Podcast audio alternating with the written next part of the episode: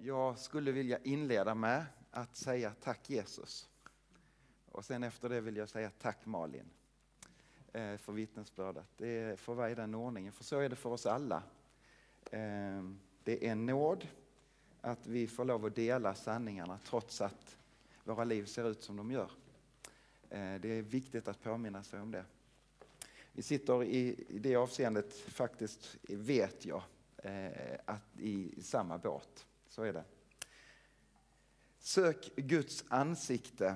Ett tema som sagt som vi har följt eh, nu genom hela januari och detta får bli den fjärde söndagen som jag vill inte säga avslutar det temat för det hoppas jag får bli ett livstema för oss alla eh, på något sätt för varje dag, varje vecka och varje söndag att söka Guds ansikte. Men ändå som rubrik för, för eh, de här gudstjänsttemana så, så får det ändå bli en avslutning. Och jag vill göra en, på något sätt en återkoppling och en, och en fortsättning från förra söndagen. Och hade du inte möjlighet att vara med då så kan du gå in i vanlig ordning på efskyrkan.tv, ta del av de här undervisningarna som har varit veckorna innan. Men förra söndagen så pratade vi och utgick ifrån denna underbara upplevelse som Mose fick ha när han gick i, genom ökenvandringen tillsammans med Egyptens folk. Eller ja, de hade ju varit Egyptens folk, men Israels folk som hade befriats från Egypten. Eh, och hur de hade fått den här ordningen att slå upp tabernaklet mitt i lägret och där Gud på något sätt uppenbarar sin närvaro mitt ibland folket. Och så fick vi höra om hur, hur Mose sökte sig till uppenbarelsetältet och talade med Gud ansikte mot ansikte. Rättvänd mot Gud. Mose han liksom ställde sig i rätt förhållande till Gud och han fick höra Guds tilltal in i sitt liv för hans egen skull och för folket och för den tid de levde i. Och det här tabernaklet som man var ett fantastiskt vackert tält med all säkerhet som de kunde bära med sig och liksom när de flyttade runt och gick den här vandringen i öknen under 40 år fick bli en förebild för, för tempelbyggnaderna som sen kom att byggas i Jerusalem. Templet som stod där på, på berget och tempelplatsen finns ju fortfarande kvar i Jerusalem, på Moria berg. Där man tänker sig att Abraham gick upp för att offra sin son Isak. Den platsen bygger man templet som på något sätt ska manifestera Guds närvaro mitt ibland folket, mitt i världen. Och de här tempelbyggarna, de, det har ju varit några tempelbyggnader genom historien, men de byggde på samma princip. Eh, hade sina olika förgårdar dit eh, det var hedningarnas förgård, så långt kunde vissa sträcka sig och sen så kom man längre och längre in och så småningom så kom man in i den här på Jesu tid gigantiska tempelbyggnaden på tempelplatsen. 50 meter hög i vit marmor som bländade i solen så att det liksom strålade. En gigantisk byggnad där man sen kom in genom portarna och man såg de stora ljusstakarna och offeraltarna och allt vad som fanns där. Också längst in i det allra heligaste. I det allra heligaste så står förbundsarken med två gyllene keruber som vaktar lagtavlorna eller ordets tavlor som Mose fick ta emot på berget av Gud själv på något sätt.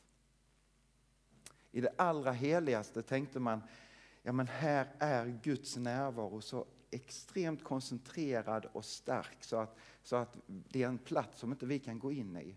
För precis som Mose hade fått, fått hälsningen från Gud, ingen kan se mitt ansikte men du ska få se mig på ryggen.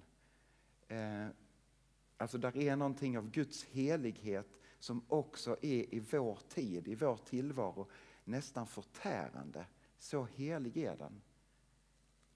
Så, så tänkte man i, i det här allra heligaste så kunde ingen gå in. Endast överste prästen en gång om året fick gå in på den stora försoningsdagen med blod ifrån offerlammet för att stänka blodet på, på den här förbundsarken. Be om folkets förlåtelse, syndabekännelse och få ta emot förlåtelse. Och det var sån extremt stor respekt för, för Guds helighet i detta så att man hade den här ordningen, många av er kanske vet detta, men det får bli en påminnelse om igen. Och det, det är någonstans att förstå Guds storhet. Man hade sån respekt så att man, man slog ett rep om fotleden på översteprästen. Så när han gick in bakom och in i det här allra heligaste så hängde det en repstump ut. Om ifall att han skulle dö där inne så fick ingen gå in och hämta honom utan då fick man dra ut honom istället. Det är denna platsen som någonstans också är för folket på den här tiden förebilden för det som Mose fick se och folket fick se i tabernaklet under ökenvandringen.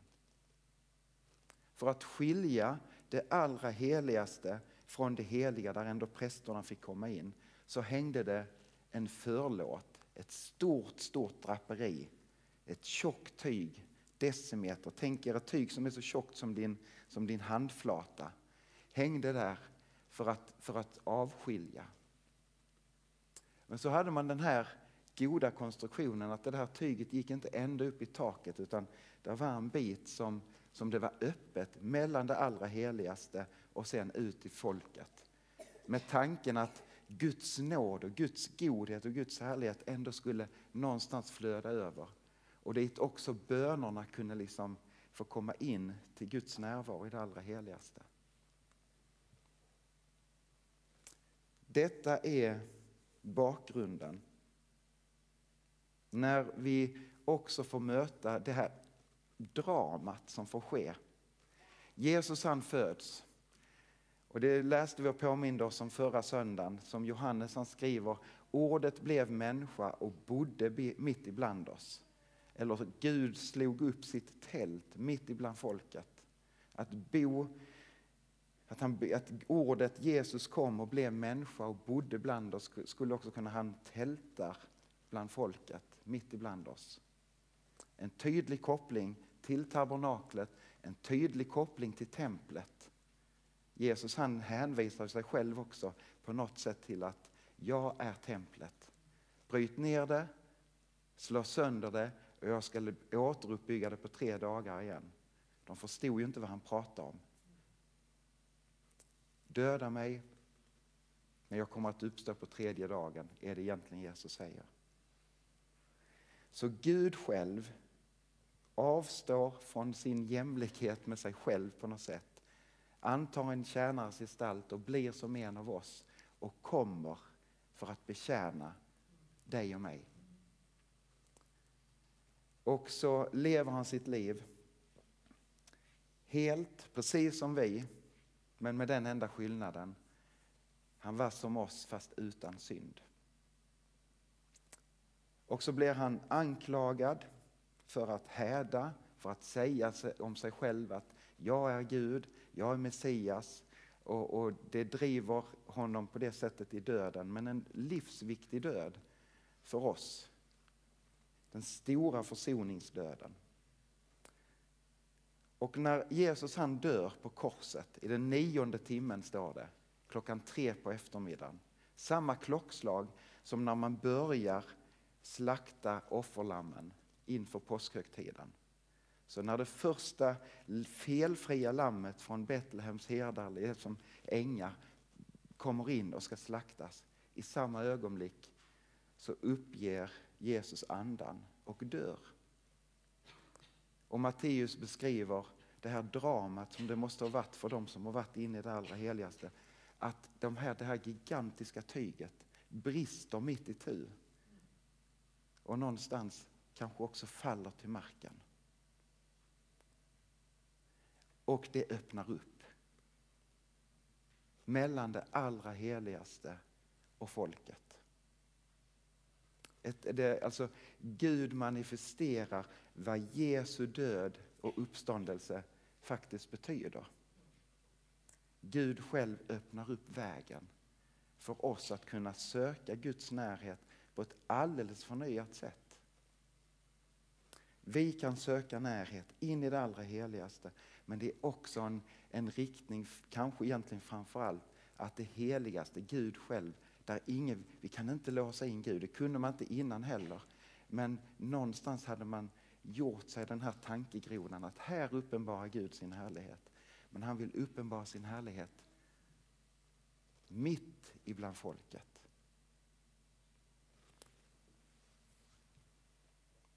Jesus han kommer ju att uppstå på tredje dagen, precis som han har sagt. Och så går han med lärjungarna under en tid, en sex veckors period, så, så visar han sig med sin kropp och han undervisar dem, han uppmuntrar dem, han reser dem upp igen och säger gå ut, bygg min kyrka, gå ut och gör folk till lärjungar, be för sjuka, tala om evangeliet, dela livet med människor. Och så vidare och så vidare. Och så säger han, men Jesus, åh, det kanske, oh, vad härligt, men du kan väl hänga med. Och sen ännu en kort tid är jag ibland er, men sen måste jag lämna er. Men jag kommer att sända en av samma sort, säger han. Jag själv kommer till er genom den helige Ande. Så att jag inte längre är begränsad, att jag bara kan gå med er tolv eller bara hänga med någon här borta. Utan att jag kan vara, som man säger, allestädes närvarande. Överallt samtidigt. Inte någonstans i det allra heligaste rummet, utan överallt. Och så kommer löftena som ligger genom Gamla Testamentet att gå i uppfyllelse när den heliga Ande utgjuts på ett alldeles speciellt sätt. Joel som talar om det, profeten Joel. Det kommer en tid när jag ska utgjuta mitt kött över, eller min ande över allt kött. Gamla, unga, män och kvinnor har jag ingen åtskillnad. Utan alla som tror på mig får ta emot den heliga Ande. Hesekiel, profeten Hesekiel som säger det kommer en tid, nu lite fritt eh, översatt, men det kommer en tid där inte lagen ska stå skriven på stentavlor som finns i någon låda i det allra heligaste, utan jag ska skriva min lag på era hjärtan. Jag ska leda er från insidan, inte från utsidan. Och förstärker det ännu mer. Och vi ska läsa ifrån Efesierbrevet 2.20. Vad som faktiskt vi är kallade att vara. Ifrån Efesierbrevet 2.20 och några verser framåt. Ni har fogats in i den byggnad som har apostlarna och profeterna till grund och Kristus Jesus själv till hörnsten. Genom honom hålls hela byggnaden ihop och växer upp till ett heligt tempel i Herren. Genom honom fogas också ni samman till en, en andlig byggnad, boning åt Gud. Ifrån första Korinthierbrevet 3 och 16 så står det så här. Förstår ni inte att ni är Guds tempel och att Guds ande bor i er? Alltså det är fantastiskt. Gud har inte bara tagit sin boning mitt ibland folket utan han tar faktiskt sin boning mitt i folket. Han tar inte boning bara nära ditt liv utan i ditt liv. Kan det bli närmre än så? Och jag vet, det här är ju det här är en, en paradox och en frustration för oss ibland. Men, men när vi får det här brytet som vi fick höra om innan, som vi kanske känner igen oss i, eller, eller när livet skenar iväg på det ena eller andra hållet och vi känner att oh, nej, hur ska, jag, hur ska jag kunna gå till kyrkan med, med ärlighet? Tänker man då, just det, här kommer ju Guds tempel gående. Wow! Riktigt snyggt också. Templet var vackert och det är ni också. Det är du också. Otroligt vacker. Det vackraste som finns i skapelsen, vackrare än alla de mäktigaste kyrkobyggnaderna, det är människan. Det levande tempelbygget. Och där Gud har tagit sin boning för att någonstans låta hans härlighet också få stråla ut i den här tiden. Men så känner ju inte jag det. Nej, men det är sant. Jesus han sa så här, Guds rike är här. Det är nära, det är redan mitt ibland er. Och efter hans död och hans uppståndelse, efter pingstdagen, så är det jättesant. Guds rike är mitt ibland oss. Mitt i mitt liv och mitt i ditt liv. Ändå så behöver vi påminna oss om det som vi också påminner oss om förra söndagen. Att vi ständigt behöver söka Guds ansikte. Att vi ständigt behöver vända om. För vi lever i den här dubbelheten, i de här två parallella sanningarna. Och i ett avseende så får vi säga tyvärr. Vi lever i ett redan nu men ännu icke. Och det här ännu icke, liksom jag ska förklara begreppet. Vi lever redan nu med, med himmelriket här, med allt vad himlen är och har, har och äger på något sätt. Det är planterat i den här tiden redan nu, fullt ut. Men ännu inte. Oh, hur ska man få ihop det då? Jag räknar på den här ekvationen. Jesus var 100% människa och 100% Gud. Han delade på något sätt den tillvaron som också är vår tillvaro. Vi har en, en tillvaro där syndafallet gör sig påmint om varje dag. Inte bara i världen i stort, men tyvärr också i våra liv. Vi har saker som vi samlar på oss, medvetet eller omedvetet, som vi behöver komma och säga Gode Gud, förlåt mig. Samtidigt är det en sanning fullt ut att Jesus har dött och uppstått för dig. Han har ställt allt till rätta. I tron på honom så är du helig, du är rättfärdig, du, du, du kan bara gå och säga jag har ett jättesnyggt tempel. Wow! Det är sant samtidigt.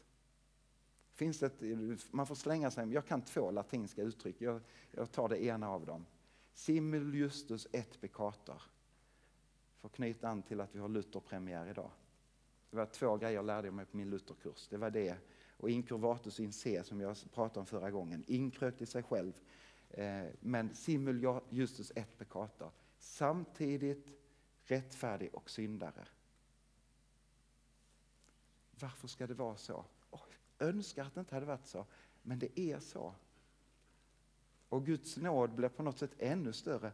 Wow! Och det är liksom den andra sidan när vi säger det är tyvärr en sanning. Å andra sidan kan vi säga yes, det är en sanning. Wow, jag är förlåten. Jag får lov att vara bärare av Gud själv. Förhoppningsvis andra människor till välsignelse.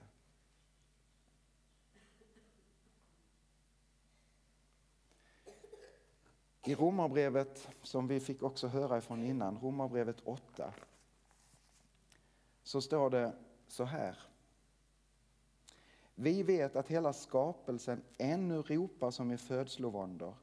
Och till och med vi som har fått anden som en första gåva, också vi ropar i vår väntan på att Gud ska göra oss till söner och befria vår kropp.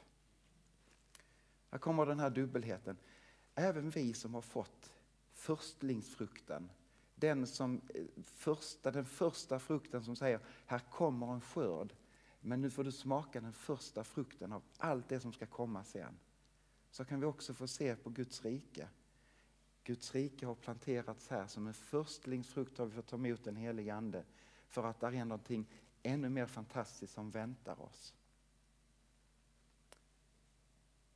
Hela skapelsen ropar om att bli befriad och också vi kan göra det. Åh, vad jag längtar till jag får vara befriad. I första Korinthierbrevet 13 och 12 så står det Ännu ser vi en gåtfull spegelbild, men då ska vi få se ansikte mot ansikte. Ännu är min kunskap begränsad, då ska den bli fullständig som Guds kunskap om mig. Det kommer en tid där vi inte bara får liksom ana Guds godhet och härlighet utan vi kommer att förstå den fullt ut. Uppenbarelseboken beskriver den tillvaron som en tillvaro där inte solen behöver lysa längre för att Guds härlighet ska lysa upp tillvaron. En plats där inte gråt och klagan och sjukdom och allt vad som kan tynga oss här, det kommer att vara borta, inte en tår. De enda såren, tänker jag, som kommer att finnas där, det är de såren Jesus kommer att bära på sina händer, i sin sida, kanske på sin panna, på sina fötter. Annars kommer det vara helt. Jag tänker att den heliga Ande, hjälparen, vad vill, vad vill Gud hjälpa oss med? Vad vill den heliga Ande hjälpa dig med? Jo, kanske att något mer måla bilden av det som ska komma. Evigheten. Är det någon som någon gång har hört någon berätta om en fantastisk plats och bara tänker, dit skulle jag också vilja komma. Jag har inte sett den men jag kan ana den för att någon med iver berättar hur fantastiskt det var på det här vattenfallet eller vad det nu var för någonting. Du måste bara åka dit. Äh, jag ska ju till Kvidinge eller något annat. Nej, nöj dig inte. Förlåt Kvidinge, jag älskar Kvidinge. Men det finns något mer.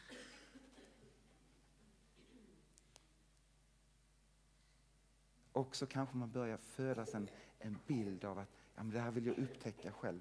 Tänk om den heliga Ande vill komma och bara säga ja, men nöj dig inte med en fantastisk vår som kommer.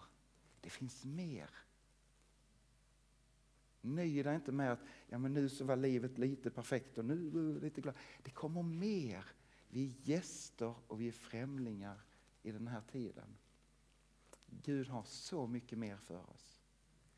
Det kan vara en tröst när det är tungt, men det bör också vara en motivation när livet är lite lättare.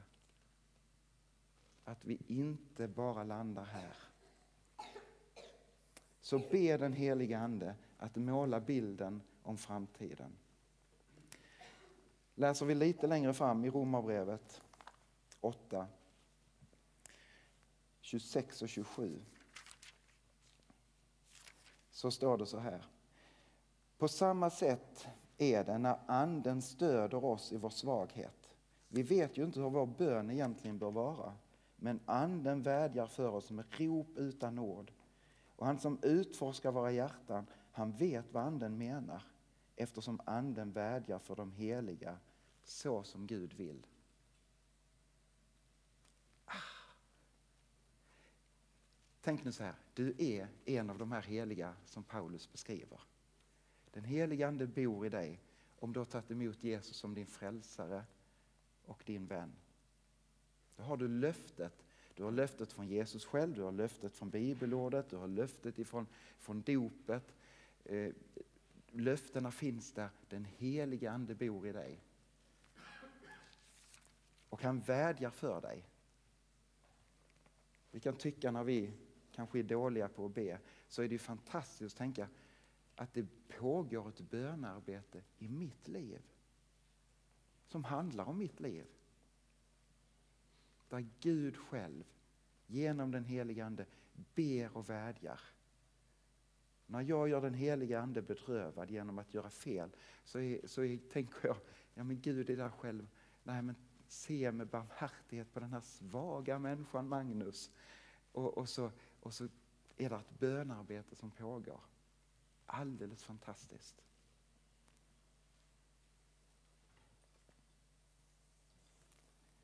Och trots, och här kommer vi också till den här dubbelheten, jag ska få avsluta med det. Ehm, vi har fått löfte om att vi, vi har den helige Ande. Ändå så kommer uppmaningen genom bibelordet, låt er uppfyllas på nytt. Låt det genomsyras igen. Låt det liksom doppa ner den där torra svampen och låt den få genomsyra så att den bär rikt med vatten på nytt. Om och om igen. Sök ständigt Guds ansikte. Så därför kan jag med visshet om att den helige Ande bor här, även om jag kan vara förvånad över det ibland när jag känner mig själv, ändå bara säga Du är här Gud, jag vet det. När jag ber de här, den här bönen så är det inte att jag inte tror att du är här, men kom ännu mer i mitt liv. Jag vill ännu mer av närhet. Jag vill inte nöja mig med, med att det redan är underbart. Jag vill ha mer Gud. Jag behöver det. Vi behöver det. Den här församlingen behöver att vi får komma ännu närmre. Gud är redan nära, men frågan är om vi kan komma närmre.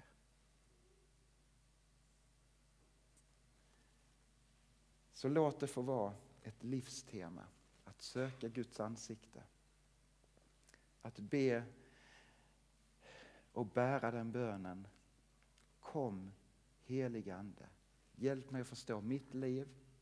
Hjälp mig att förstå den här tiden. Och Gud, genom din nåd, låt din härlighet få pysa över till dem jag får möta. Vi ska få be tillsammans.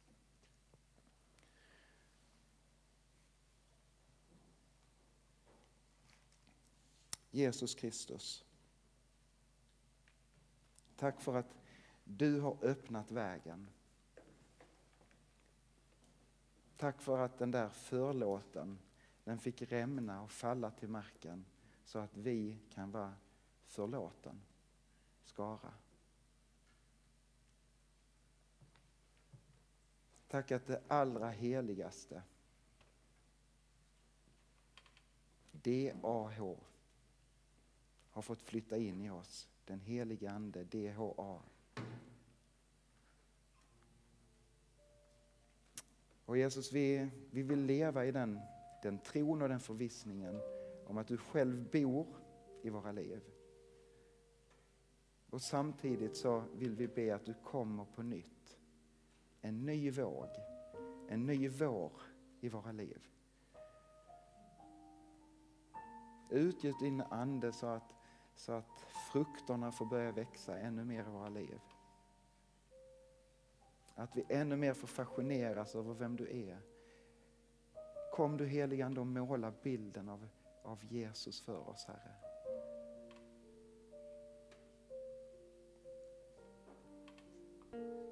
Heligande genomsyra så att vi blir gripna på nytt att vi får hitta tillbaka till den där första kärleken.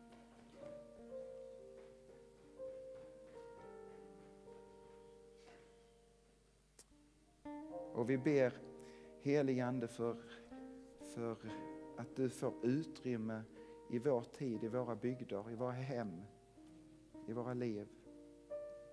Att göra det som ligger på ditt hjärta.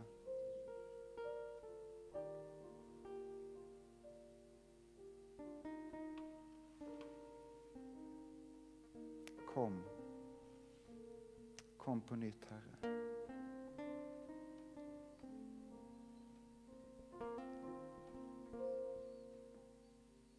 Våra hjärtan mjuka.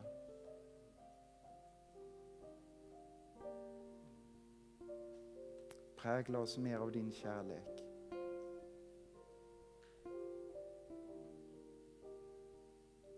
Vi behöver dig.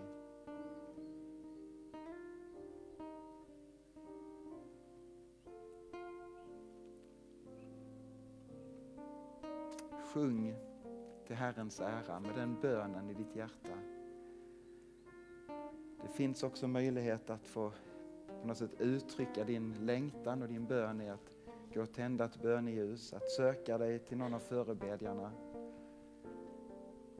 Vi sitter alla i samma båt. Vi har, vi har på något sätt alla samma behov av mer av Gud i våra liv.